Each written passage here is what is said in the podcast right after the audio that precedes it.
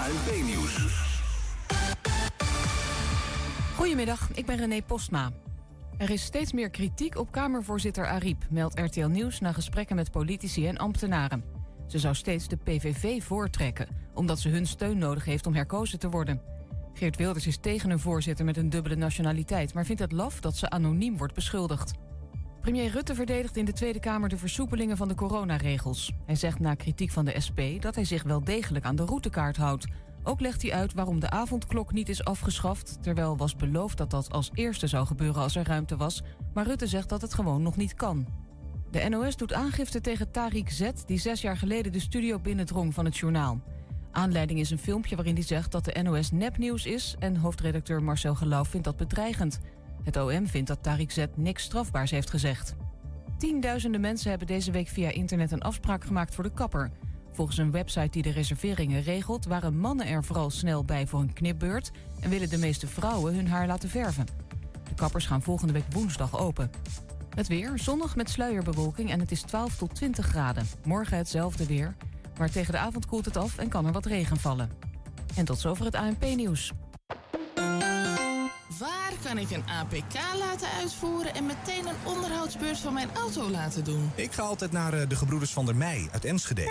Vakmanschap, passie en echte service zijn kernwaarden van Gebroeders van der Mei. Of het nu gaat om eh, APK-keuringen, reparaties, bandenopslag, totaalonderhoud, deuken verwijderen of een nieuwe trekhaak, zij regelen het voor je. Gebroeders van der Mei vind je aan de Lonnekerbrugstraat 80 in Enschede. Thema beveiliging staat voor betrokkenheid, optreden en betrouwbaarheid. Waar de concurrent stopt, gaat thema beveiliging net een stap verder. Thema beveiliging levert alle vormen van beveiliging voor zowel de zakelijke als de particuliere markt. Thema beveiliging, de beveiligingsorganisatie van het Oosten. Telefoon 053-4800-560 of stuur uw e-mail naar info.themabeveiliging.nl 1 Twente. Weet wat er speelt in Twente. Iedere dag praten we hierbij over alles wat er in Twente gebeurt. Via radio, tv en online. 1 Twente. De A1 die zorgt voor te veel geluidsoverlast voor mensen en dieren in het Weusthachtpark in Hengelo. Raadsleden vragen zich daarom af wanneer komt die geluidswalde nou? Gillian en Danique zijn de twee voorleeskampioenen van Hengelo en gaan, gaan naar de regiofinale. En ze laten horen waarom. Het licht dreigt te doven voor het lichtatelier in Enschede, maar de zaak grijpt naast alle overheidspotjes. En we praten bij, eh, met FC Twente rechtsback, die volgens Ron Jans een van de beste van de Eredivisie is, Tyron Eboui. Het is woensdag 24 februari en dit is 120 vandaag. Ja, Festival, het eh, grootste festival van Twente, wordt verplaatst naar augustus. Eigenlijk zou het in mei zijn, maar dat was vanwege corona niet haalbaar. Organisator Absolutely Fresh die richt de pijlen nu dus op eh, augustus. Maar volgens hen kan het festival alleen doorgaan als de anderhalve meter regel is geschrapt. Aan tafel, dus op dat moment, aan tafel is eh, Rick van der Merwe van Absolutely Fresh. Rick, welkom. Welkom. Verplaatst naar augustus onder een voorwaarde. Niks is nog heel erg zeker, lijkt het. Hoe is de sfeer in jullie team? Ik moet zeggen dat ik vanochtend wakker werd en denk van het zonnetje schijnt. Ik heb er gewoon zin in om het nieuws naar buiten te brengen. Ik denk dat meer mensen deze hoop graag, graag hebben. En wij hebben ook hoop.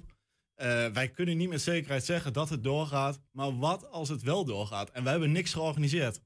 Ja, hoe piep piep zou dat, zou dat zijn om zo maar te zeggen? Ja, dat is waar. Ja. Het is gewoon fijn om te hopen en om er gewoon mee bezig te gaan. Dus Ja, toch. Precies. Want stel je voor dat we een maand van tevoren zeg, in juli te horen krijgen... er mogen weer festivals plaatsvinden.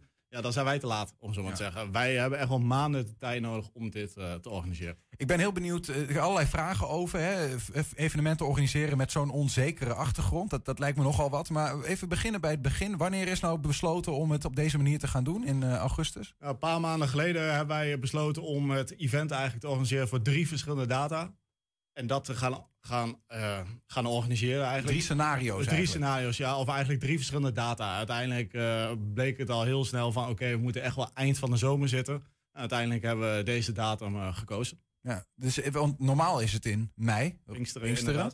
Wat was de andere mogelijkheid? Eind augustus, of sorry, eind september. Maar dan zitten we tegelijk met de Zwarte Cross. Ja, dat is eh, denk ik ook geen eh, succes. Ja, ja. Eind augustus dus. Ehm, is dat een... Is dat een ehm, ja, hoe is dat beslissingsproces gegaan, zeg maar? Eh, Wat, wat moet je allemaal meenemen in je hoofd? Ja, eigenlijk hoop je een korte lijn te hebben met, met Rutte van eh, vertel me alsjeblieft wanneer het weer kan. Ja, wij hopen gewoon dat dit eh, een heel geschikte datum is. Het is nog een lekker, eh, lekker midden in de zomer. Het is niet in oktober waar de weersverwachtingen heel erg minder zijn. Ja, we hebben natuurlijk een camping.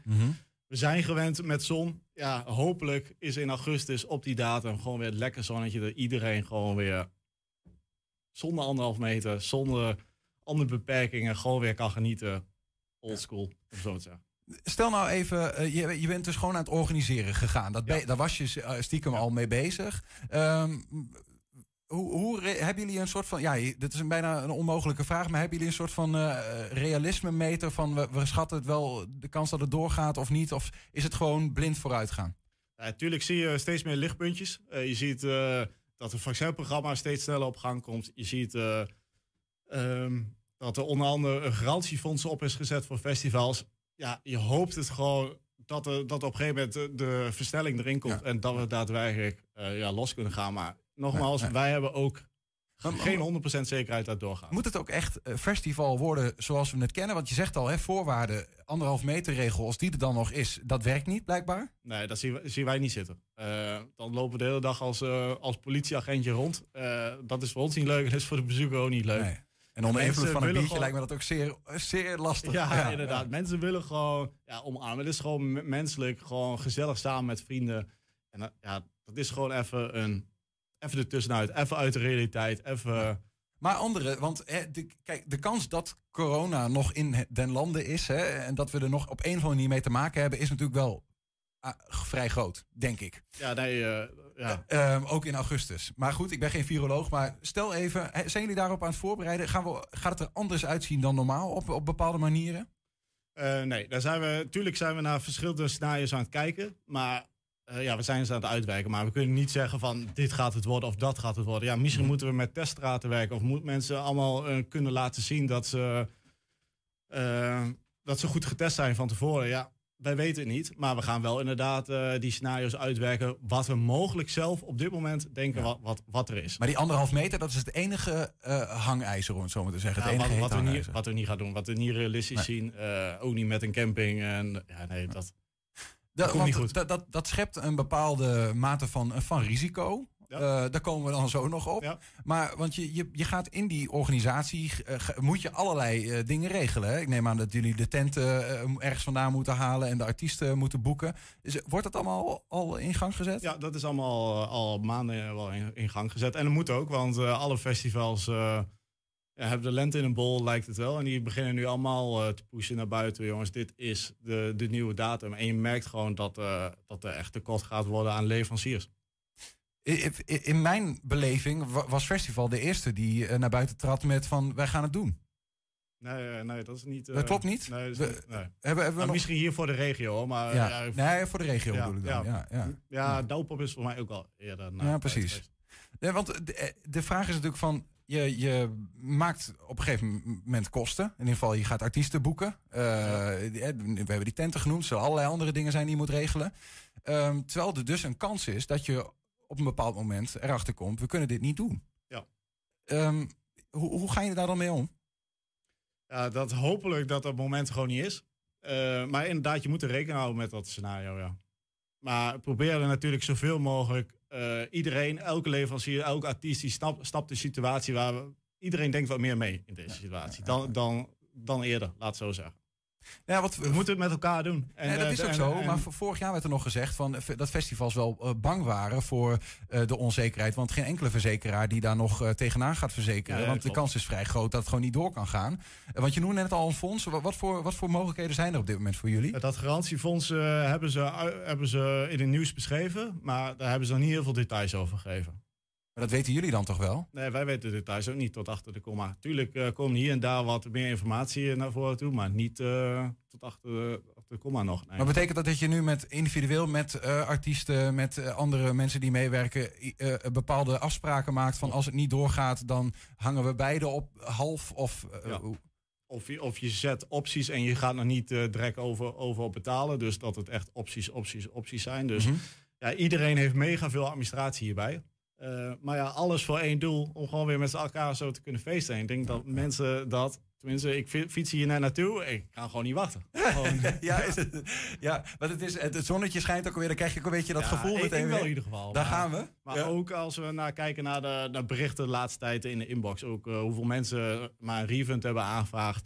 Iedereen steekt ons hart onder de riem. Jongens, alsjeblieft, kunnen we, als het mij niet lukt, kunnen jullie alsjeblieft nog naar een andere datum later in het seizoen kijken. En snap je? Op een gegeven moment word je best wel terug van, van het nieuws soms. eh, en op een gegeven moment weer lichtpuntjes. Oké, de flirt een beetje op. Maar ook dat je van zulke berichten krijgt van bezoekers. Kom op jongens, kunnen we alsjeblieft dit jaar weer samen met Ja. elkaar op festival staan. De energie is er, maar Ja. die mag nog niet uit de fles. En laten we hopen dat het wel gaat gebeuren. Ehm, over die refunds gesproken. De, eh, eh, ik neem aan dat eh, nou, een heel aantal mensen... hebben, hebben jullie met vouchers gewerkt? Ja, alleen voor foutjes als mensen graag toch een dagwissel zouden wi- willen doen. En anders zou je geld terug kunnen vragen, mocht je dus niet kunnen. En ja, 2 tot 3 procent heeft maar eh, teruggevraagd. Dus dat, dat geeft wel aan hoe betrokken de doelgroep... Heel veel mensen die dus voor afgelopen jaar eh, een kaartje hadden gekocht... Ja. die hebben hun geld niet teruggevraagd. Ja, 2 tot 3 procent heeft maar teruggevraagd. Ja, dat, dat geeft wel aan hoe betrokken eh, de doel- doelgroep is. Ja, dat, is, eh, dat is heel bijzonder. Maar was dan de voorwaarde van die mensen vaak ook... maar dan wil ik er ook bij zijn eh, het komende jaar... of kun je dat niet garanderen? Hoe bedoel je dat? Nou, dat, dan, dat, het, dat ze zeggen van... oké, we willen het geld niet terug... maar, maar we willen dan wel op de eerste oh ja, nee, dat, dan ben je er sowieso bij. Dan wordt je kaartje gewoon automatisch doorgeschoven. Het is toch, een soort van voucher manier. Want ik vroeg, ja, ja, inderdaad, precies. want ik vroeg me dan af... Zijn oh nee, er- jij dacht misschien dat ze het geld gaven als... eh, ja, ja, nee, Oh, nee, nee, nee, het kaartje werd gewoon doorgeschoven inderdaad. En, werd, eh, en je kon anders je geld. Wat zijn het dan nog wel kaartjes voor dit jaar? Of, of Beperkt. zit- Be- beperkt? Heel, ja, heel beperkt. En om die reden gaan wij ook nu nog niet in de verkoop. En ook geen aanbetaling of iets dergelijks. We wachten eerst op groen licht. En dan gaan we daadwerkelijk eh, in de verkoop. Met Ja, de laatste resterende tickets. En mensen die dus eh, er graag bij willen zijn, ja, adviseer ik. Ga je nu vast voorregistreren op onze website. Want dan krijg je voorrang. Maar we hebben sowieso eh, niet voor de animo die er nu al Nee. is in de mailboxen. En de registratie die we zien, hebben we denk ik niet genoeg. Ja, ja. En ik, ik, ik wil er absoluut geen partypoeper zijn, maar toch even in het scenario dat het, dat het, dat het toch niet door kan gaan. Hoe werkt dat dan met die, met die, die kaartjes die mensen vorig jaar bijvoorbeeld al Ja, gekocht die, hebben? eh, die worden doorgeschoven naar mei eh Pinksteren 2022. Dus we gaan gewoon weer verder. Ja, Maar En dan zijn we als eerste van het seizoen. Dus dan staan denk ik mensen echt hopelijk te, te trappelen. ja, dan Eh, wordt de tent echt afgebroken. hè? ja, maar mochten mensen als ze nog echt liever geld terug willen... Ja, tuurlijk kan dat. ja, ja. Liever natuurlijk niet. Maar ja, tuurlijk, het is gewoon eh, eh, hun recht. ja, ja. Waar gaan mensen eigenlijk een kaartje voor kopen? Wie, wie, wie staan er op het podium straks? Ja, dat dacht ik al wat dat je dat zou vragen. maar nee, dan gaan wij... eh, wij proberen natuurlijk... Wij hebben al vorig jaar wat namen bekendgemaakt. Maar het wordt sowieso een puzzel met... ja, hoe gaat het in andere landen er ook uitzien. die dan door? De, de namen van vorig jaar? Natuurlijk zullen een paar namen doorschuiven, maar eh, wij hebben gelukkig nog niet de hele line-up bekendgemaakt. Dus eh, ja, het is ook even puur met buitenlandse artiesten. Ook buitenlandse bezoekers. Eh, het is natuurlijk, het is de grootste van de regio, maar ondertussen hebben we ook eh, dat er al meer dan 15 eh, verschillende landen naar Festival toe komen. Ja, het is wel afwachten. Hoe gaat dat? En, en nu, nu weet ik dat er waarschijnlijk ook wat fans aan het luisteren zijn. Die denken, och, geef me een datum. Wanneer, wanneer kunnen we wat meer horen? Van de line-up. Ja. Nou, wij wachten dan eerst wel echt op eh, groen licht van, eh, van de overheid dat het festival weer plaats mag vinden. En dan een paar dagen daarna zullen we heel snel weer met, eh, met artiesten komen. En het evenement zelf in augustus, maar wanneer precies? 13, 14 en 15 augustus. 13, 14, 15 augustus. Nou ja, laten we tot de corona En gewoon jullie zijn bidden. erbij, toch? We zijn erbij. Oh, dan eh. kunnen we niet meer terug. Hè? Ja, Nee, nu moeten we ook wel. Vuur. daar, daar gaan we. Gaan we. we. We komen langs, zeker weten. Gezellig. Nou, je hebt een nummer. Rick van der Merwe van eh Festival, dankjewel en veel succes en eh, veel plezier vooral de komende tijd met de organisatie. Komt goed. Ja, zometeen hier niet één, maar twee voorleeskampioenen. Maar eerst, het Weusthachtpark in Hengelo wordt binnenkort onder handen genomen. Het park moet een echt stadspark worden. Maar langs dat gebied loopt ook een snelweg, dat is de A1. De gemeente Hengelo wilde jaren geleden een nieuwe geluidswal maken, maar die kwam er toen nooit. Onafhankelijk raadslid eh, Marie-José Huizinveld en GroenLinks-raadslid Elske Mooijman... die hebben nu raadsvragen gesteld over het uitblijven van die geluidswal. Volgens de volksvertegenwoordiger zorgt de A1 namelijk voor te veel overlast voor mens en dier.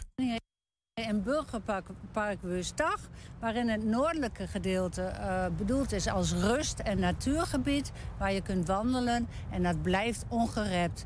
Aan de andere kant, de zuidelijke kant, is een meer recreatief deel. Alleen er is één ding wat niet zo mooi is.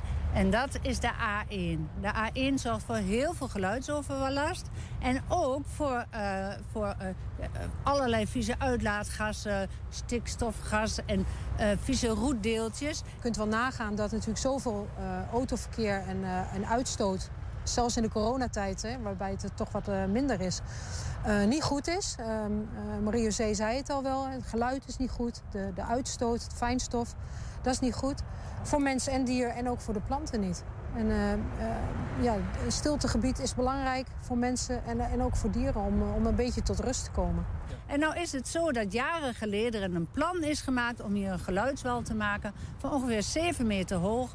Dat plan is nooit in uitvoer gebracht. En de vragen die wij nu stellen is van... kunnen wij niet alsnog dat plan weer oppakken...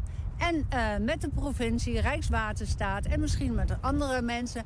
aan de slag gaan om hier een mooie geluidswal te maken. Waarom is die er niet gekomen dan? Dat weten wij niet. Daar hebben wij geen idee van. Wij hebben daar vragen over gesteld op de politieke markt en ook in de gemeenteraad. Hoe kan dat? Waar is dat geld? Waar zijn die plannen? Het staat al op papier. Er zijn al aanvragen gedaan. Er zijn al bedragen genoemd. Maar dat is ons niet duidelijk. En daarom hebben wij daar nu dus vragen over gesteld hoe dat zit. Maar nog belangrijker vinden wij het dat de gemeente een voortrekkersrol speelt en zegt: wij gaan aan de gang met die geluidswal en wij gaan kijken hoe we dat voor elkaar krijgen. Nou, die zullen waarschijnlijk ook wel mensen zeggen van ja, uh, heel leuk en aardig zo'n zo'n geluidswal. Maar ja, dat gaat natuurlijk wel wat kosten. Ja, en dat is ook een van onze vragen. Hè? Van, uh, zoek eens uit, waar kan dat geld vandaan komen? Wie kan eraan meer betalen? Zijn er nog andere mogelijkheden? Ik heb me daarop ingelezen. En op andere plaatsen in Nederland zijn ook geluidswallen. Ook begroeid met bomen en met planten. En uh, daar hebben ze ook uh, subsidies voor gekregen. Dus wellicht is dat hier ook mogelijk. Ik vind, wij vinden dat je moet kijken... gemeente, college, neem een regisseursrol... Uh, probeer die dingen aan elkaar te knopen, zowel qua invulling, concretisering en, en de gelden natuurlijk. Natuurlijk gaat het ook over geld. Um, de, de, onderaan de streep is dat toch, het moet betaald worden. Maar het gaat ook om de ambities die je daarmee wil verwezenlijken. En geluid is daar één van. Maar het, bevorderen van de biodiversiteit is natuurlijk ook een belangrijke. En misschien zijn er nog wel andere uh, belangen die je daarbij kan aanknopen. Ja, we blijven even in Hengelo, want uh, Gillian Drent is leerling van basisschool De Schothorst daar. En Danique Engbussen is leerling van de Wolderschool. En ze gaan Hengelo in maart vertegenwoordigen bij uh, de regionale finale van het NK Voorlezen. En uh, de twee Hengeloze meiden die zijn vanmiddag hier om te laten zien waarom zij nou die Hengeloze winnaars zijn. Gillian en Danique, leuk dat jullie er zijn. Dankjewel. Welkom. Um, sowieso ook stoer dat jullie wilden aanschuiven. Het, het NK voorlees, uh, voorlezen, daar, daar, daar hoorde ik, heb ik nog nooit iets van gehoord. Gillian, hoe ben je daar zo terecht bij gekomen? Nou, ik doe eigenlijk elk jaar wel mee met bij school. En dit jaar heb ik dan gewonnen en mocht ik een filmpje insturen voor de, voor de, uh, ja, voor de uh, Hengelo. Dus je deed elk jaar eigenlijk al wel mee via je school? Ja. En Danique, doet jouw school ook altijd mee? Ja, bij ons is het zeg maar dat in groep 8 mag je een keer meedoen. En dan gaan ze uitkiezen wie ze zeg maar het beste vinden. En dan gaan ze stemmen. En als je dan hebt gewonnen, ja. En dan dit jaar ging het natuurlijk iets anders met ja, een filmpje dus. En dat ging je dan insturen. En dan, ja, dan moest je even wachten. En dan keek je wat de uitslag was. Wat voor filmpje heb je dan ingestuurd? Ja, een filmpje waarin je um, ja, zegt van wat voor een boek je hebt en waarom je dit boek hebt gekozen. En dan, ja, uiteindelijk ga je voorlezen dus. Ja, ja. En uh, hoeveel kinderen uit jouw klas deden mee? Uh, ja, er deden wel wat meer mee. Alleen heel veel waren uh, vergeten om hun boek mee te nemen naar school. En onze meester die vindt dat niet zo heel erg leuk. Dus... Het is moeilijk voorlezen als je nee, geen boek hebt. Dus uiteindelijk waren er maar twee deelnemers en ja. Ja. Maar jij, jij draagt je boek altijd met je mee of niet? Nee. Nee? Ben jij, uh, ben jij, lees je zelf veel? Ja, best wel veel. S'avonds gewoon heb ik... Ik lees best wel veel, ja. Maar ik deed vooral mee omdat ik het wel leuk vond. En ja, ik vond het wel leuk om mee te doen. Ja, wat vind je leuker, lezen of voorlezen? In mezelf lezen gaat, vind ik denk ik wel wat fijner. Maar voorlezen vind ik ook heel leuk om te doen. En ik deed vooral mee omdat omdat ik het gewoon heel leuk vind. Maar ja, wie weet, je kunt altijd verder komen. Jillian, jij dan? Ben jij, eh, is, is lezen iets wat jij heel graag doet? Ja, Ja? Hoeveel uur per dag lees je? ehm, sowieso wel één uur per dag normaal gesproken. Ja, ook buiten schooltijd? Ja, Ja? Want ik, ik kan me ook voorstellen dat er veel kinderen van jouw leeftijd zijn... die eh, bijvoorbeeld heel veel achter de computer zitten. ja, veel kinderen uit mijn klas die zitten heel veel achter de computer en zo. Heb jij geen last van? Een beetje. Een beetje. Maar heb je wel eens dat je denkt van... Ik wil eigenlijk lezen... Want hè, mensen van mijn leeftijd die zeggen ook wel eens van... Oh, ik zou eigenlijk wel wat meer willen lezen. Maar dan eh, gaat die telefoon weer en denk ik... ah, toch even op internet kijken, toch even YouTube kijken... of Netflix of wat dan ook. Eh, heb jij wel eens dat je denkt... ik zou wel wat meer willen lezen? Mm, Jawel. Ja. Wat vind je zo leuk aan? Gewoon, ja, je, je zit ineens in een heel andere wereld. Gewoon, dus Welke wereld eh, ga jij graag in als je aan het lezen bent? fantasie. Fantasie? Is dat ook eh, waarom je het boek hebt eh, uitgekozen wat je nu bij je hebt? Mm, ja, soort van. Want ik, dit is het verhaal van een film. Dus, en ik vind de film ook heel leuk. Dus Vertel eens, welk boek heb je meegenomen, Gillian? Anubis en de wraak van Argus. Anubis en de wraak van Argus. En zometeen ga je er een stukje uit voorlezen. Dat is jij, Danique, uit jouw boek. Maar misschien kun je toch even kort vertellen... Eh, dit verhaal wat je gaat voorlezen. Wat, wat, wat, wat, speelt er allemaal in dat boek? Nou, ehm, de bewoners van het huis Anubis die gaan naar een spookhuis voor de verjaardag van Appie.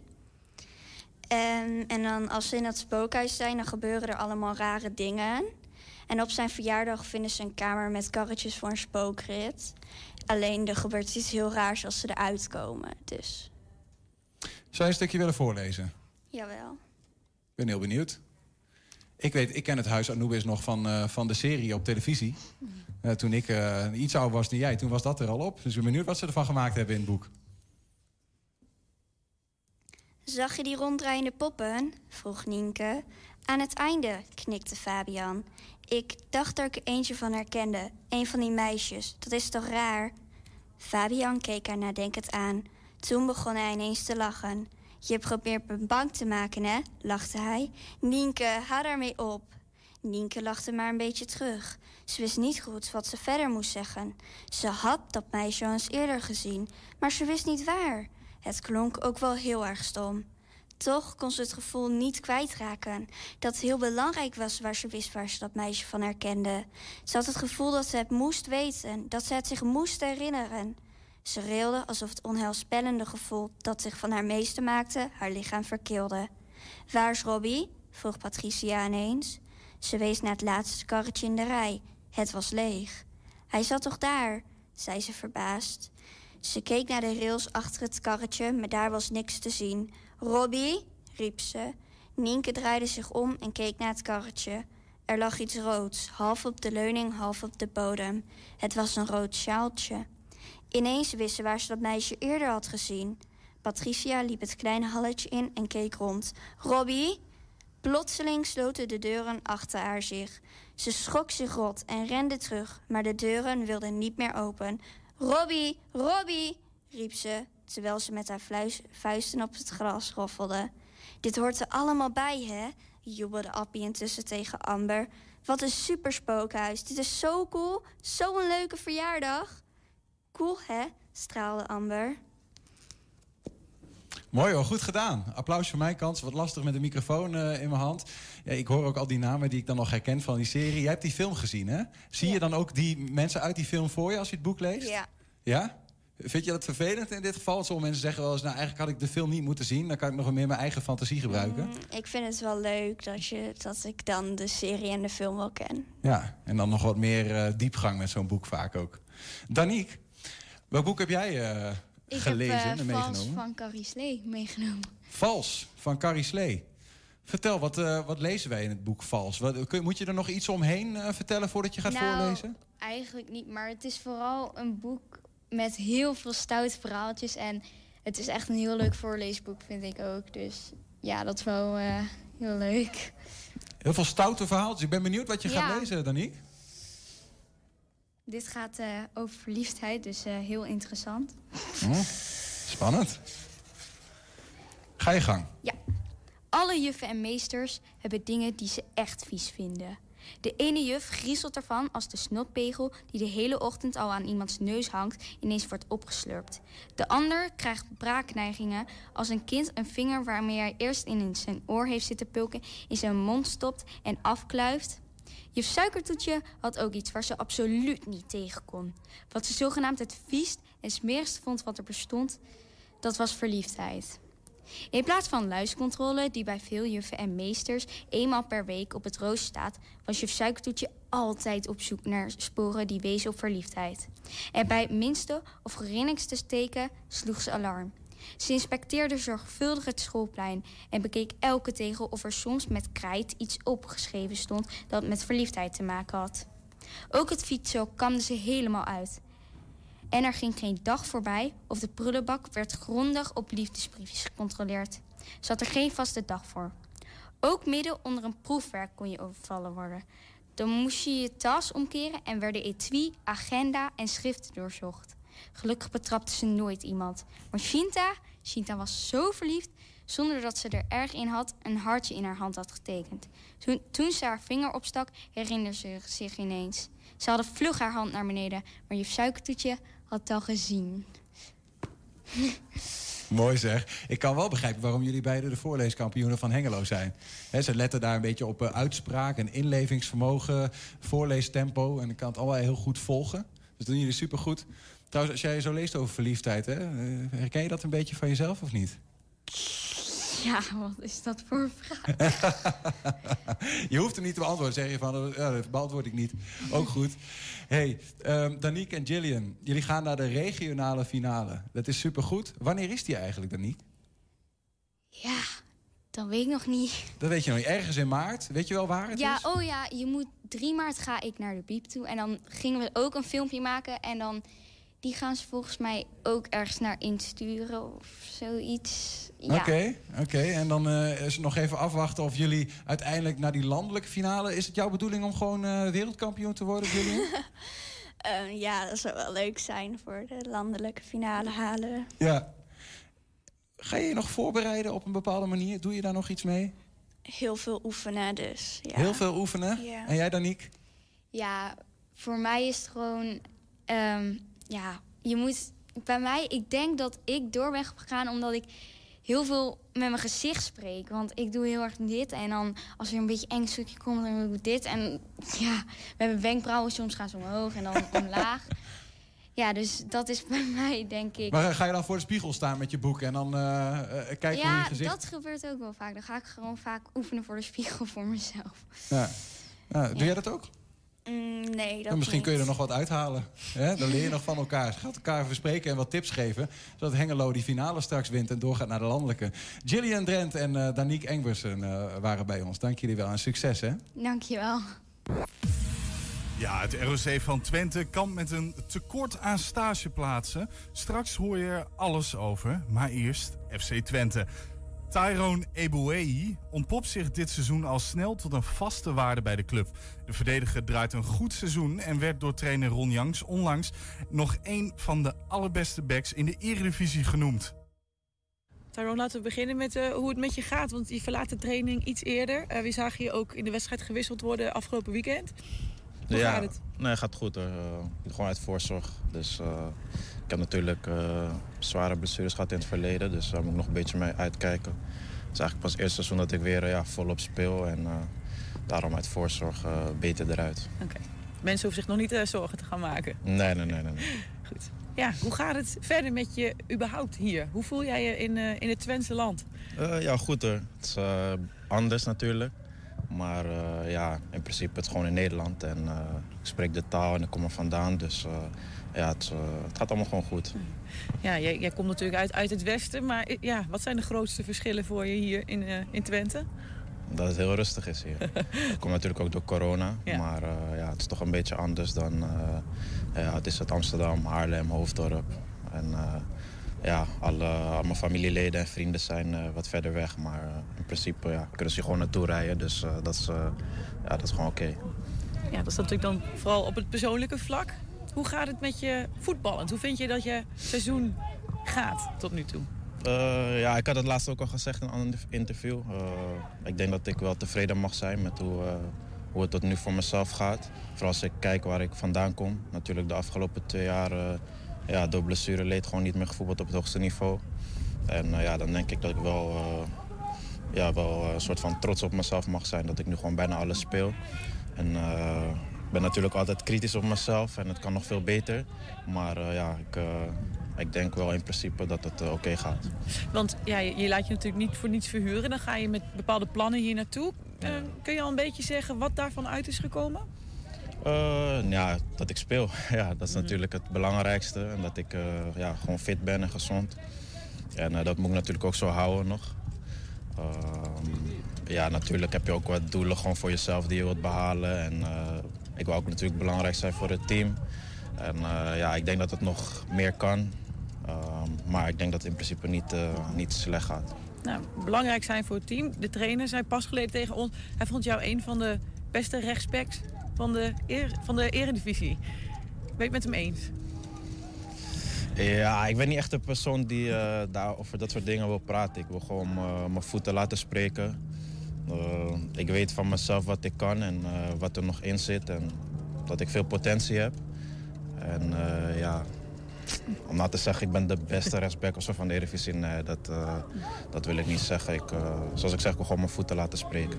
Nou ja, het feit dat hij dat wel vindt, zegt wel iets. Uh, hoe is dat dan om te horen? Nee, dat is natuurlijk mooi om te horen, vooral als het van je, van je eigen trainer komt.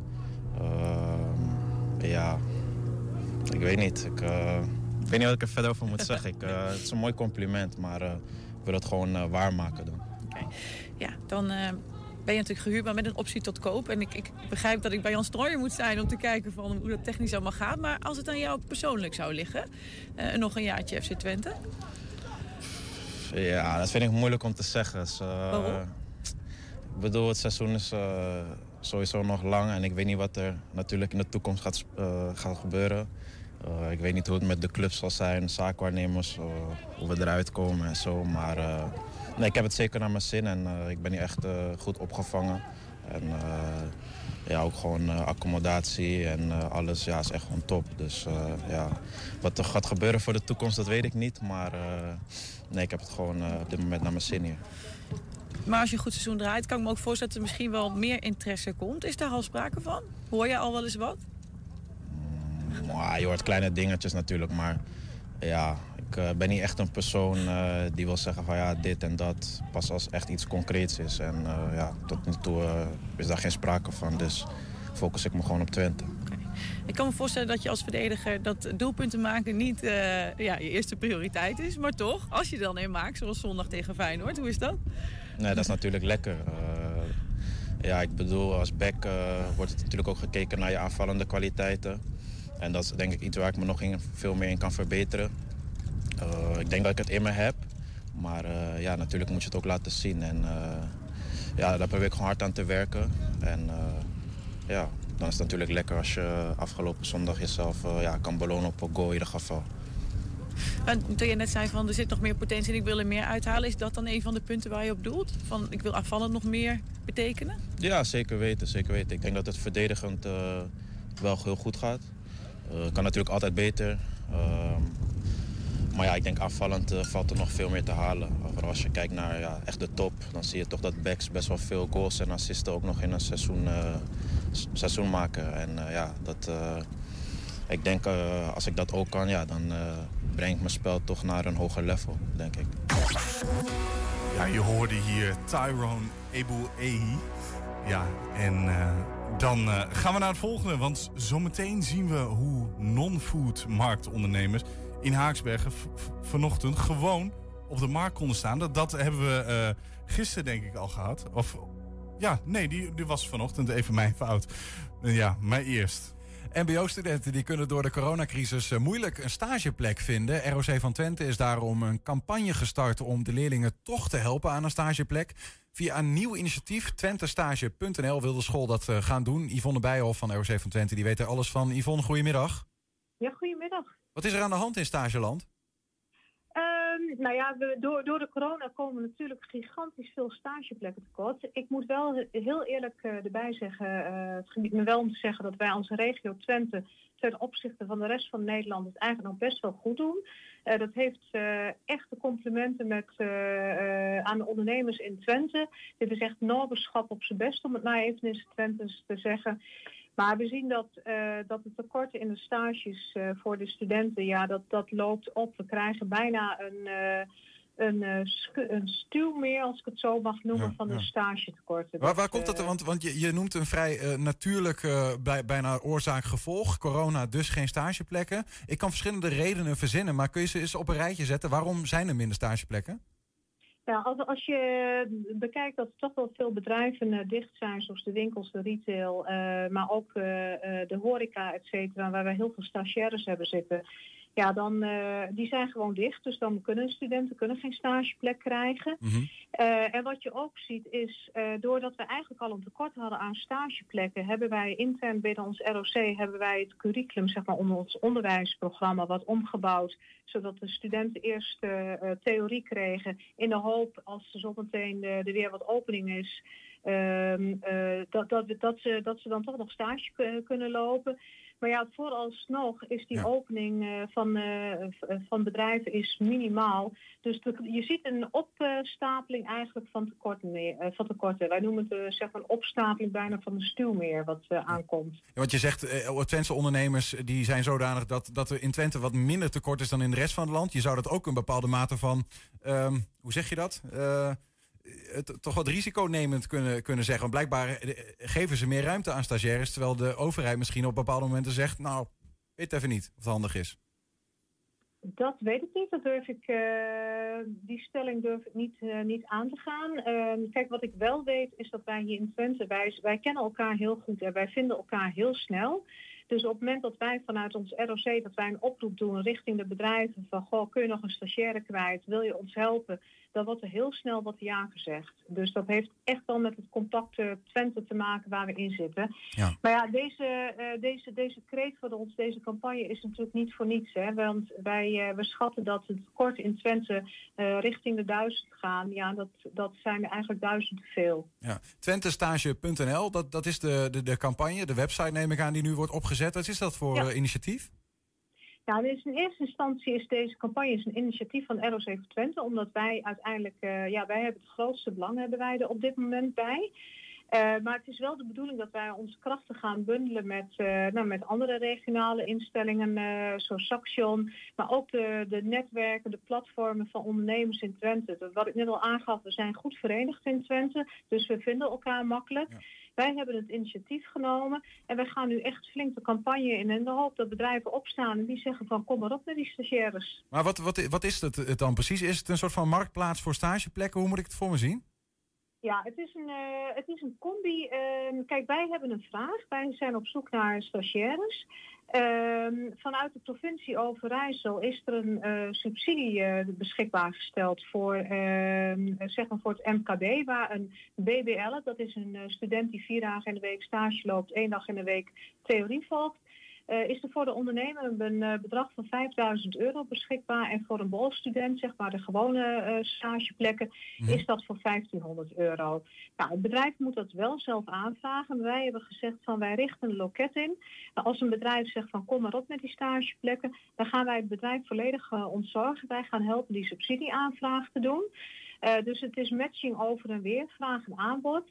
En daarnaast hebben we ook nog op het moment dat een bedrijf zegt van goh, ik wil het wel heel graag, maar ik ben niet uh, geaccrediteerd als een uh, erkend leerbedrijf, want dat moet officieel ook, je moet een erkend leerbedrijf zijn, wil een stagiaire formeel stage kunnen lopen. Mm -hmm. Dan zorgen wij ook dat er heel snel contact wordt gelegd met het SBB, zodat de lijntjes kort zijn en eigenlijk de ondernemer het niet allemaal zelf hoeft uit te zoeken. Ja, ja. Dus ik, wat ik hoor is dat er in deze tijd door corona soms überhaupt de zaak uh, niet open is. Of dat het allemaal wat lastiger is om het op een veilige manier te doen. Daardoor vallen de stageplekken weg. Jullie willen eigenlijk nu uh, stageplaatsen die misschien dat niet zo gewend zijn ook uh, vragen van... hé, hey, we gaan jullie helpen, we hebben zelfs wat subsidie voor je. Maar kunnen we zorgen dat er meer plekken worden gecreëerd? Ja, precies. Kijk, wij, wij, wij hebben alle begrip voor dat, dat ondernemers in, eh, in welke sector dan ook, dat ze heel druk zijn, ook met de corona, want het raakt iedereen.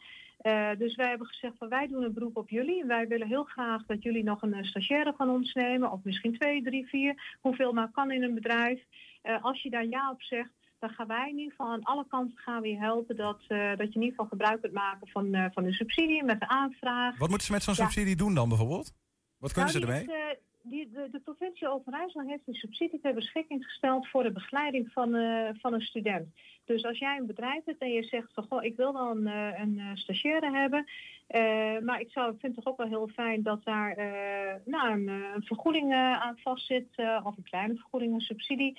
Dat je, zodat je wat extra mankracht, man-vrouw beschikbaar kunt stellen om die stagiaire te begeleiden. Mhm. Dus het is echt voor de begeleiding van de stagiaires. Nou, nou is het op ROC begrijp ik vaak zo dat, dat studenten zelf naar hun stageplekken zoeken en die zelf ook vinden en sollicitatiegesprekken hebben en dat soort dingen.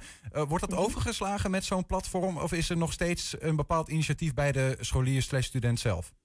Nee, het is een en-en situatie. Kijk, de, de studenten normaliter moeten ze inderdaad moeten ze zelf een plek zoeken. Maar wij horen veel al de geluiden dat ze geen plek kunnen vinden. Ja, dan kun je twee dingen doen. Je kunt het laten zoals het is. Maar ik denk van ja, wat ik net al helemaal in het begin aangaf. We zijn in Twente, we zijn zo'n krachtige regio. Het nomerschap zit hier zo in. Wij gaan gewoon helpen. Het, het is gewoon echt noodzaak. Hè, dat... eh, Ehm, dit, dit, dit kun je niet meer, de verantwoordelijkheid is van het hele ROC, maar ook van eh, eigenlijk van heel Twente, van het bedrijfsleven. Want uiteindelijk, wij willen toch die vakmensen, die willen wij straks hebben.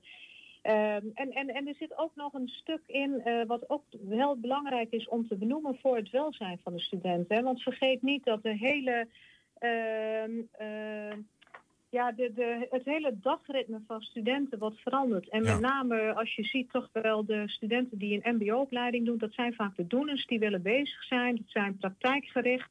En als je alleen maar online les hebt, dat is een tijdje is dat leuk, maar je, je moet het vak moet je toch leren door het doen. Eh, het doet ook wat met die studenten dat ze niet naar school kunnen gaan, hun klasgenoten niet kunnen zien, dat ze geen stage kunnen, kunnen lopen. Dus het is eigenlijk een combi van eh, we moeten blijven opleiden voor vakmensen, want die hebben we gewoon knetterhard nodig in Twente. En daarnaast ook het welzijn van de studenten is heel belangrijk. Mhm. Het is een heel duidelijk verhaal. Twentestage.nl. Als je dus een ondernemer bent, ga er even kijken. Kijken of je op die manier je steentje kunt bijdragen. Yvonne Bijenhof van ROC van Twente, dank voor de uitleg. Gedaan. Het lichtatelier in Enschede hangt aan een zijden draadje... omdat de zaak net naast alle steunpotjes van de overheid grijpt. Straks praten we erover met bestuurslid Ronald van Dorland. En marktondernemer Peter Reuding en zijn collega's met een non-food kraam zijn het spuugzat dat ze niet meer op de markt mogen staan. Vanochtend stonden ze daarom gewoon wel op de markt in Haaksbergen. Niet om te verkopen, maar om te laten zien dat het volgens hen net zo veilig is met hen als zonder hen. Ik zeg altijd, wat moet, dat moet. Maar als het niet moet, waarom moet dat dan zo? Mooie schoenen. Ik zag een paar heren schoenen voor 15 euro. Eh, die wil ik nu eh, afrekenen. Helaas, vandaag geen verkoop. We staan in de frisse buitenlucht. We hebben veel ruimte zoals jullie dat allemaal kunnen zien. Het is goed georganiseerd en het kan. Waarom zullen we mensen onnodig de gesloten winkels in eh, eh, laten gaan... terwijl het gewoon dus in de frisse buitenlucht kan? Mensen zijn al op de markt. Ze kopen kwaliteitsproducten op de markt. En ze moeten nu ook eh, de mogelijkheid krijgen om een eh, artikel bij een sokkenkraam te kunnen krijgen. Want dat is ook van essentieel belang. Ja, dus, dus ik zit al twaalf weken bij de deur. Ik heb geen perspectief. Gaan we open, gaan we niet open? Dus eh, ja, ik wil eigenlijk wel weten waar ik aan toe ben. Gisteren een hele voorzichtige versoepeling voor een aantal sectoren. Mensen zijn blij die aan de goede kant van de streep stonden. Contactberoepen, onderwijs, sport, hartstikke mooi. Maar er zijn ook mensen die aan de verkeerde kant van de grens. Dat zijn de ondernemers eh, hier in Haaksbergen op de markt, maar ook eh, de ondernemers in het centrum. En daar voel ik wel een mee.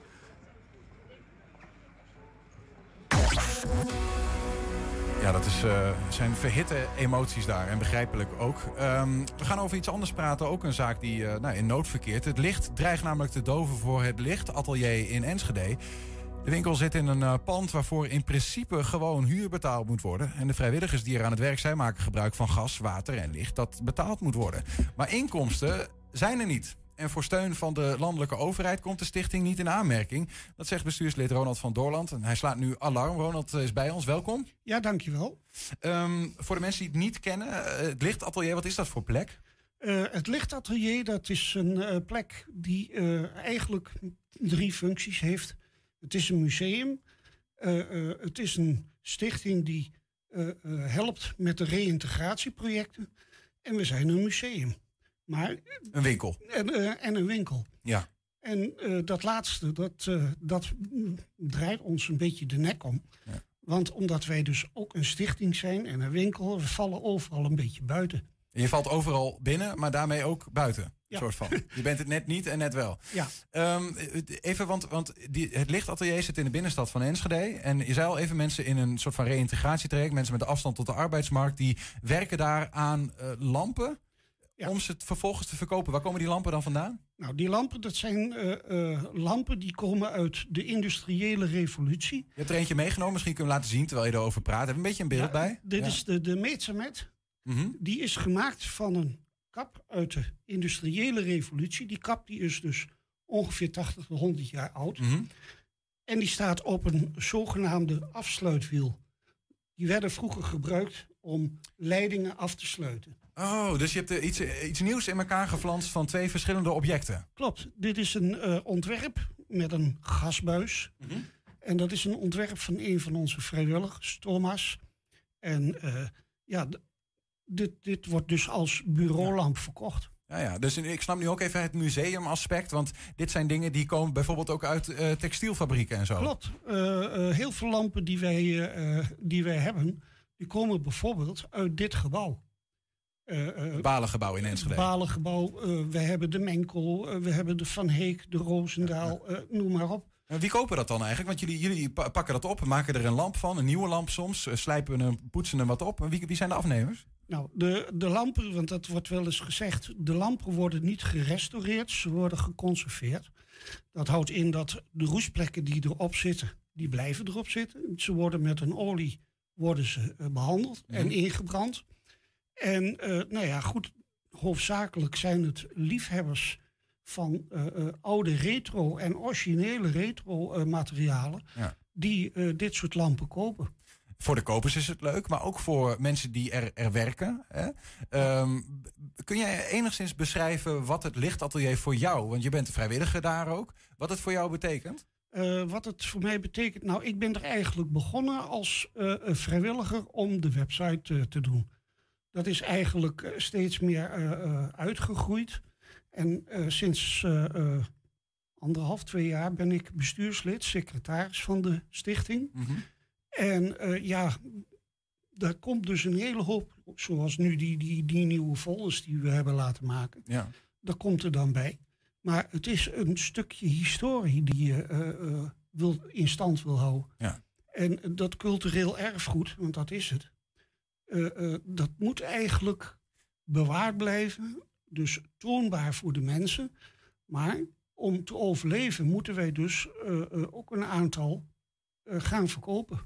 Ja, precies. Nou, en uh, niemand hoeft te vertellen dat dat op dit moment lastig is, want we mogen die winkel van jullie niet in.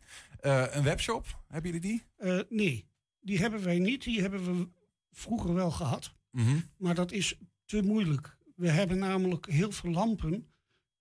Kijk, als je een, een, een webshop hebt met allemaal nieuwe lampen, dan heb je dus duizend lampen, die zijn allemaal hetzelfde. Bij ons zit op de kap zit een roestvlekje hier. Bij een andere kap zit een roestvlekje ja, daar. Het is allemaal custom made eigenlijk. Ja, ja. En er komt nog bij dat uh, je kunt bij bijvoorbeeld hanglampen... kun je kiezen wat wil je, een gasbuis of wil je een ketting... Hoe lang moet die ketting zijn? Dus het is eigenlijk... Mensen moeten echt bij jullie in de winkel komen voor ja. dat hele proces. Wij, wij werken dus uh, uh, de lampen naar wens van de klant. Ja, ja dat, ligt, uh, dat ligt nu stil. Dus ja, nee, die inkomsten zijn er niet. Je noemde al even steunpotjes vanuit de overheid. Um, bijvoorbeeld een TVL, hè, de tegemoetkoming voor vaste lasten. Dat krijgen winkels uh, vaak wel. Jullie niet? Nee, krijgen wij niet. Dat is wel aangevraagd. Uh, maar dan heb je dus weer dat je een bepaalde omzet moet hebben. En dat hebben wij dus. We hebben het aangevraagd. We ja. hebben een heel klein bedrag gekregen. Maar je moet wel je hele hebben en houden van, van de administratie van 2019. Moesten we allemaal op gaan sturen. Mhm. Want dan gaan ze dus kijken, hoeveel verlies heb jij? Ja, het zijn oude cijfers. Dus ja, dat is een beetje eh, eh, eh, frappant dat ze dat soort zaken, dat ze dat gaan regelen. Onder de streep in ieder geval eh, eh, t- ja, geen slash te weinig eh, inkomsten op, op dit moment en te weinig steun. Ehm, jullie hebben nog wel van de gemeente iets gekregen, hè? Nou, ik heb er met de voorzitter nog over gehad. En wij zijn er dus nog niet helemaal uit. We hebben dus contact met iemand van de gemeente. En die zou dus bezig gaan om de OZB voor ons door de gemeente te laten betalen. Dus De onroerende zaakbelasting. Ja. In technisch verhaal, dat is dus eh, in wezen gewoon kwijtschelding. kwijtschelding. En eh, daar hebben wij tot op heden nog niet zoveel van gehoord. Dus wij nemen aan dat dat inmiddels betaald is. Want anders had je al wel een keer. Hè? Wat, wat blijft er dan nog over? Even van, voor mijn begrip. Jullie hebben een, een, een, een pand waarin je zit. Ja. Dus je zult waarschijnlijk eh, huur betalen. Klopt. Wij hebben van eh, de verhuurder eh, domein hebben wij dus drie maanden, in eerste instantie drie maanden opschorting van de huur betaald, eh, eh, ga- eh, gehad. Mhm. Dat houdt in dat je dus eventjes niet hoeft te betalen. Mhm. Nou, omdat wij dus nu nog steeds heel erg moeilijk zit, want niemand had verwacht dat die lockdown en alles zo lang ging duren, heeft het domein gezegd, nou, uit grote coulance hoeven jullie van die drie maanden maar twee maanden terug te betalen. Dus wij hebben één maand cadeau gekregen. Oké, maar bijvoorbeeld voor nu, februari, eh, of, of voor straks, maart, moet er dan, eh, wordt het elke keer weer gekeken van ja, we hebben geen geld om de huur te betalen, want dat komt nergens vandaan. Eh, wordt elke keer weer die huur dan uitgesteld? Nee, op het moment betalen wij gewoon dubbele lasten. Dus ja, de buffer die we hadden, die is nou voor 90% is die opgedroogd. Voor 90% opgedroogd. Als die straks op is en je kunt de huur niet meer betalen, wat gebeurt er dan? Eh, dan houdt het verhaal op. Dan is het gewoon einde oefening. Dan kunnen we de tent sluiten. Dat is gewoon, eh, eh, nou ja, goed. Je wordt in wezen, word je er dan uitgezet, mits er niet op het laatste moment dan toch nog. En ja, misschien de nieuwe regeling Tonk. Daar moeten we nog even afwachten. Want eh, ja, er is nog heel erg veel onduidelijk. Mhm. Het kan een, een gift zijn, het kan een lening zijn. Ja. Dus misschien. Maar er moet nogal wat betaald worden. Hè? Als je een aantal maanden huur extra moet, of tenminste achterstand moet, eh, moet betalen, dubbel. Ja. En, eh, en, en straks blijven die lasten gewoon komen. Dus de vraag is ook of dat toereikend is. Hoe voel je je daar eigenlijk onder? Want ik kan me voorstellen, jullie zijn, je hebt het al even genoemd, je hebt een maatschappelijke functie. Er werken vrijwilligers bij jullie met afstand tot de arbeidsmarkt. Die hebben daar een plek. Je hebt een museumfunctie, je laat iets zien van de, van de historie van Twente. Ehm, eh, naast dat je ook gewoon een leuke winkel bent met, met lampen. En, en, en het, het licht lijkt mogelijk uit te gaan als het zo doorgaat. Als het zo doorgaat, ja, dan gaat het eh, letterlijk en figuurlijk eh, eh, uit. Ja. Dan eh, wordt de knop omgedraaid. En dan eh, is het einde eh, eh, museum en einde lichtatelier. Hoe voel je daarbij? Lig je er wel eens wakker van? Ja, uiteraard. Ik, ik niet alleen natuurlijk. Alle bestuursleden die zitten daar natuurlijk erg mee. Mhm. Ja. Wat wil je eigenlijk? Dat er een aandacht wordt, komt. Want wij zijn waarschijnlijk, en dat vermoed ik wel zeker, niet de enigste die tussen wal en schip vallen. Dat daar aandacht voor komt. En dat daar een, eh, eh, toch een regeling voor verzonnen wordt. Oftewel in Den Haag of bij de gemeente. Of eh, ja, weet ik veel wie. Die, die misschien wel iemand die zegt van ik heb een heel groot hart voor cultureel erfgoed. Ik wil jullie steunen, dat mag. En ja, het gaat niet door. Maar we hadden natuurlijk gehoopt dat we weer open mochten. Ja. Nou, bij deze in ieder geval eh, eh, jullie verhaal verteld. Eh, bedankt daarvoor, Ronald. Graag gedaan. Dat je hier was voor de openheid en heel veel succes met de zaak. Ja, dankjewel. En geniet van de folders. Zal ik doen. Dankjewel. Het lichtatelier is maar eh, een van de vele voorbeelden van zaken die het water aan de lippen hebben staan. Veel meer sectoren zitten namelijk in het nauw. We hoorden het gisteren en vandaag bij de marktkooplui uit Haaksbergen bijvoorbeeld. Maandag vertelde de centrumwinkeliers en Losser eenzelfde soort verhaal. Er lijkt bij steeds meer ondernemers een soort geest uit de fles. Ze kunnen niet langer leven met de overheidsmaatregelen, figuurlijk, maar steeds vaker ook letterlijk, zoals we dat net hoorden. Vandaag meldt zich eh, nog een sector die naar mogelijkheden aan het zoeken is: de kermisexportanten. Wel in de studio is kermisexportant Ida Oostenenk-Maas. Ida, goedemiddag. Goedemiddag.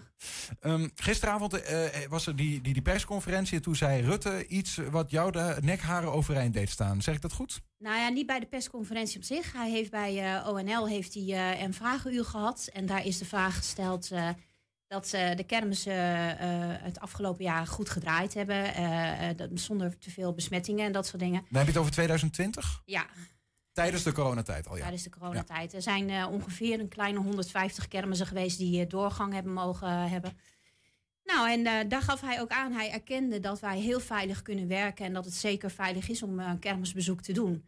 Uh, dat staat gewoon op beeld. En toch werd er dan de vraag gesteld van, maar waarom mogen ze dan niet? Waarom wordt het dan nog steeds op slot gehouden?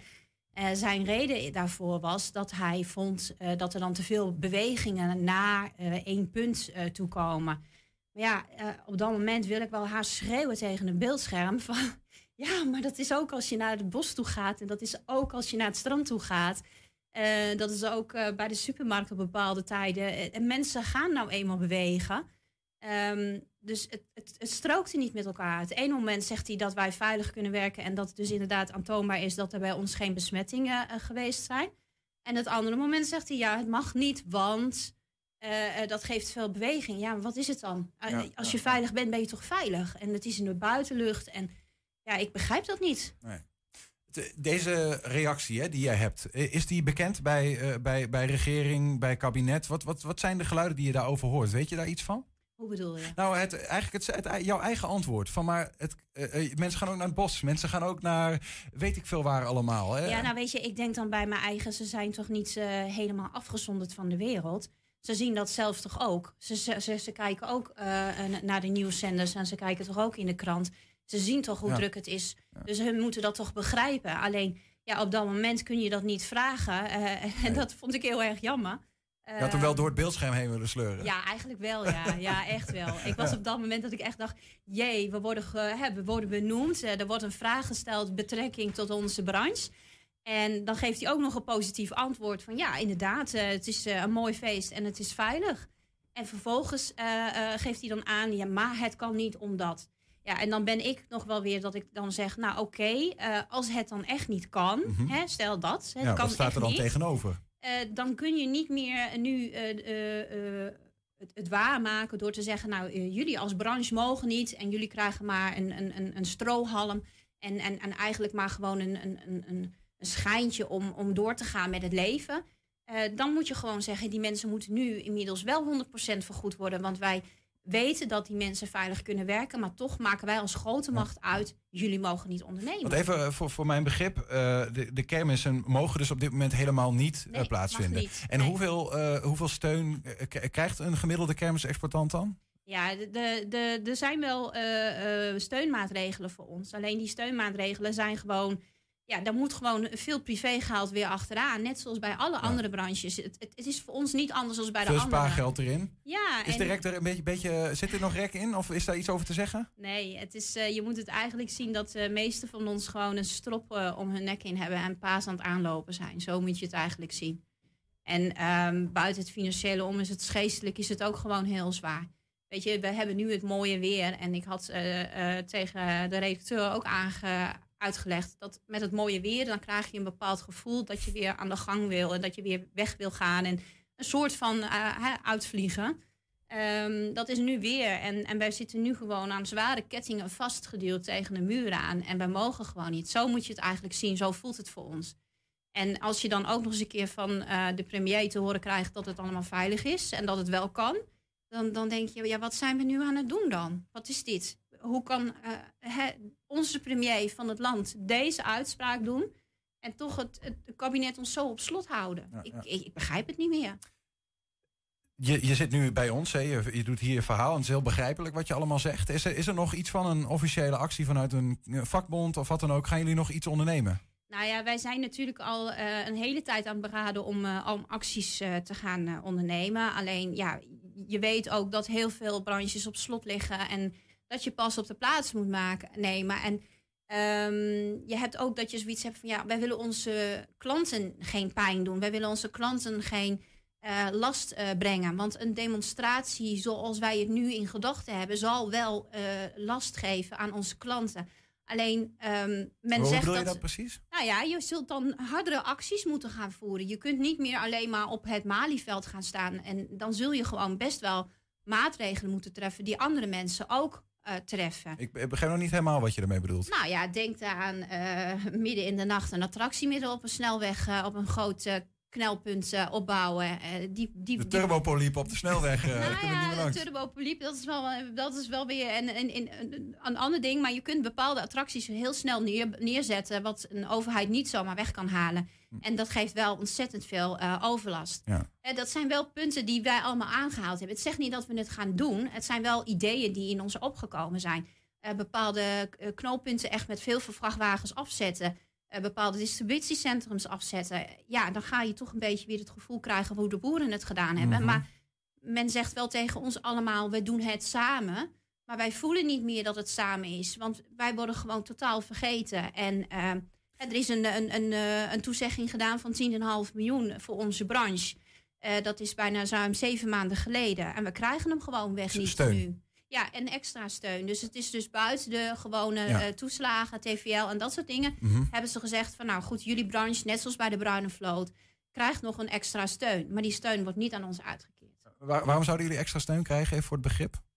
Eh, nou ja, dat is, dat is in de onderhandelingen is dat zodanig naar buiten gekomen. Hè? Ook omdat ze wel zagen dat wij wel konden. Eh, maar dat ze ons dus op slot hielden. En dat ze dus vonden dat wij eh, in de zomermaanden ons winterinkomen niet hebben kunnen verdienen. Want dat is het, hè. Je hebt een, een bepaalde periode dat je al je kosten terug moet verdienen. Mhm. En toen is daar uitgekomen dat er dan een extra steunmaatregel moest zijn, omdat die bestaande steunmaatregelen niet voldoende waren. Dat hebben we aan kunnen tonen. Zeven en een half maand geleden toegezegd. Ja. En het water is inmiddels eh, hier. Ja. En we hebben echt de ruimte nodig bij de kermisexploitanten. Ja, weet je, het is eh, het feest samen zijn voor de jeugd. Ja. De jeugd heeft het nodig, dat hebben we allemaal al gehoord. Eh, de kermis is de plaats waar de jeugd samen kan komen, op een veilige manier buiten. Wij zijn lokaal, dus het zijn geen bewegingen van vreemde steden naar een één punt. Hè. Dus het is niet naar, van punt C, D naar A. Het is gewoon lokaal. Het zijn dezelfde mensen die op de markt komen. Het zijn dezelfde mensen die in de winkelstraten komen. Dus waarom zouden wij dan niet kunnen? We hebben vorig jaar met 150 kermissen bewezen dat wij totaal geen eh, verhoging in besmetting hebben Hoe gehad. zag dat er eigenlijk uit? Ik heb, ik heb daar niet per se een beeld van. Was, zag het nog iets uit met, met, met spatschermen en weet ik veel wat? Waren daar maatregelen genomen? Ja, er zijn heel veel maatregelen genomen. eh, veel ruimere opstellingen, eh, goed veel desinfecteren. overal bij elke attractie desinfectiepunten. Duidelijk aangeven dat mensen afstand kunnen houden. Eh, bij bepaalde pl- attracties komen schermen tussen te hangen. Dus we hebben echt wel heel veel maatregelen genomen en ook heel veel investeringen weer gedaan. Ja, ja, en, en op die manier zou je gewoon nu zeggen jullie prima hetzelfde kunnen doen. En dan heb je bewezen weinig tot geen besmettingen op die attractie zelf. Alleen die vervoerbewegingen, daar, daar hangt het dus op. Daar, daar blijkt het dus nu dan ineens weer op stuk te gaan. Ja. En dat is, dat is ook het frustrerende aan deze regering. Ze komen steeds weer met een andere regel. Vorig jaar hebben wij gedemonstreerd en toen werd er na de demonstratie vrijwel direct eh, gezegd dat wij weer mochten. En vervolgens was het zo, ja, de burgemeesters en de veiligheidsregio's moeten het nu maar gaan bepalen. En daar kreeg je gewoon een hele wisselwerking in eh, regelgeving. Want de ene burgemeester vond dit en de ander vond dat. Eh, ik heb een afzegging gehad van een burgemeester die heeft gewoon daadwerkelijk op papier heb ik het staan. Ehm, ja, de, de coronamaatregelen tasten zodanig het gezellige karakter aan dat we dit jaar besloten hebben de kermis niet door te laten gaan. Ja, weet je, overal is het niet gezellig. Als ik naar de supermarkt ga, word ik ook geconfronteerd dat we met een virus leven. Het is nou eenmaal een rottijd. Eh, maar laten we er dan het beste van maken. Maar er komen hele rare regels. En dan krijg je ook eh, een af- afzegging van ja, maar buiten de kermis om. eh, op het kermisterrein zelf moeten dan ineens heel veel beveiligers lopen. Om mensen er ook op te wijzen dat ze de afstanden moeten houden. Maar buiten de kermis om, daar hebben wij eh, geen eh, voldoende politie inzet. Want eh, er zijn veel mensen bij de politie overspannen. En we hebben mensen vrijgegeven. We hadden niet rekening gehouden dat jullie weer mochten. Dus vandaar dat de kermis niet mag. Ja, weet je, je voelt iedere keer weer dat je omhoog ge- opgestaan bent en zo weer in een kuil gegooid wordt. Ja, ja. En dat, dat, dat doet de mens geen goed. Ik kan me dat goed voorstellen. Dat nee, je niet dat weet is waar je een aan toe heel bent. rot gevoel. Ja. Ehm, we gaan meemaken wat er, eh, wat er dan allemaal nog verder eh, eh, gaat gebeuren. In ieder geval dank voor, voor dit verhaal en voor de uitleg. En heel veel sterkte. Ja, en, als er acties komen, zal ik het zeker melden. En Dan horen we dankjewel het. voor het ontvangst. Ida Oostenink-Maas hoorde je over dus, die kermisexploitanten in nood. Ja, en tot zover 120 vandaag. Terugkijken kan direct via 120.nl. En vanavond om 8 en 10 uur zijn we live op televisie te zien. Zometeen hier een e- nieuwe editie van De Kettingreactie. Wij wensen jullie veel plezier. Er is een avondklok in Nederland. Tussen 9 uur 's avonds en half 5 's ochtends blijven we verplicht binnen.